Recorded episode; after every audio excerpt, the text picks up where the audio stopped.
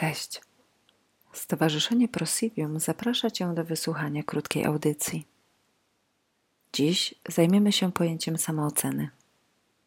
Najprościej rzecz ujmując, jest to uogólniona ocena swojej osoby, swoich zalet i wad oraz emocjonalna reakcja na samego siebie.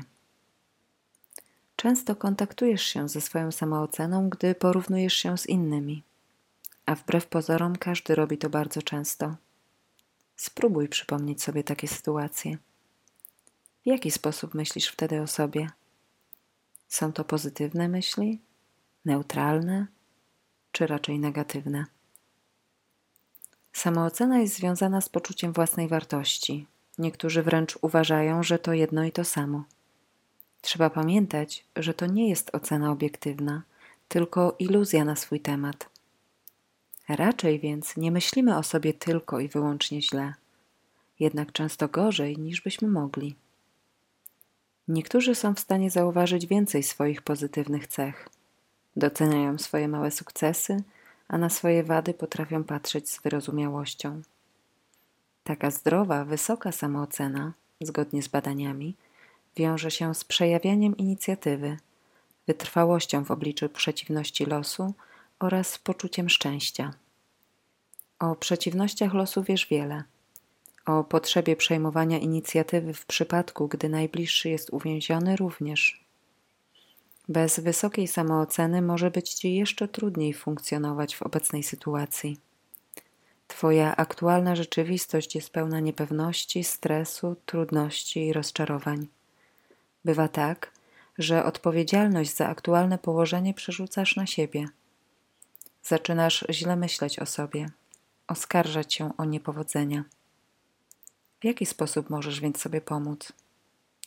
Jest wiele poradników, które reklamują się zdolnością poprawy samooceny w godzinę czy nawet w pięć minut.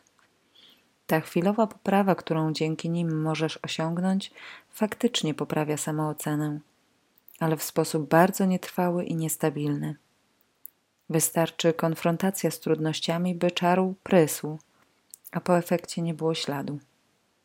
Zdrowa i stabilna samoocena to stan, w którym przede wszystkim dobrze się znasz i akceptujesz, z całym swoim bagażem wad i zalet.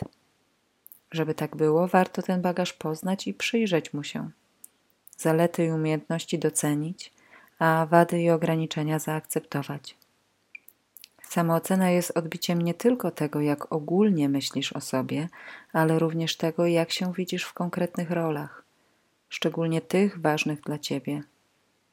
Może być tak, że istotnym dla ciebie jest to, by dobrze gotować. Lubisz gotować i sprawia to tobie przyjemność. To na przykład niepowodzenie w parkowaniu auta nie obniży twojej samooceny tak samo, jak na przykład komentarz bliskiej osoby, że mu nie smakuje obiad.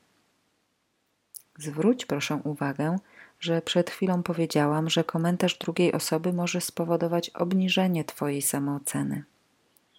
Wynika to głównie z tego, że na samoocenę duży wpływ ma opinia innych. Dlatego tak ważne jest to, byś była na tyle pewna swoich umiejętności i na tyle pogodzona z ograniczeniami, by jak najbardziej ograniczyć wpływ innych ludzi na Twoje samopoczucie istnieje coś, co w przeciwieństwie do samooceny nie opiera się na wartościowaniu własnej osoby. Jest to współczucie wobec siebie samego. Samo współczucie polega na dbaniu o siebie i opiekowaniu samym sobą. Taka opieka może polegać na dopuszczaniu do głosu trudnych myśli i emocji, których tłumienie kosztuje nas dużo energii.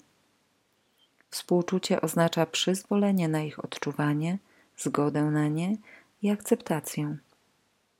Zdaję sobie sprawę, że strategia polegająca na odsuwaniu złych myśli i emocji może wydawać się Tobie atrakcyjna. Jednak niestety gromadzenie ich bez wyrażania, odsuwanie z pola widzenia może powodować m.in. dolegliwości bólowe niewiadomego pochodzenia, niekontrolowane wybuchy złości czy ogólnie zły nastrój.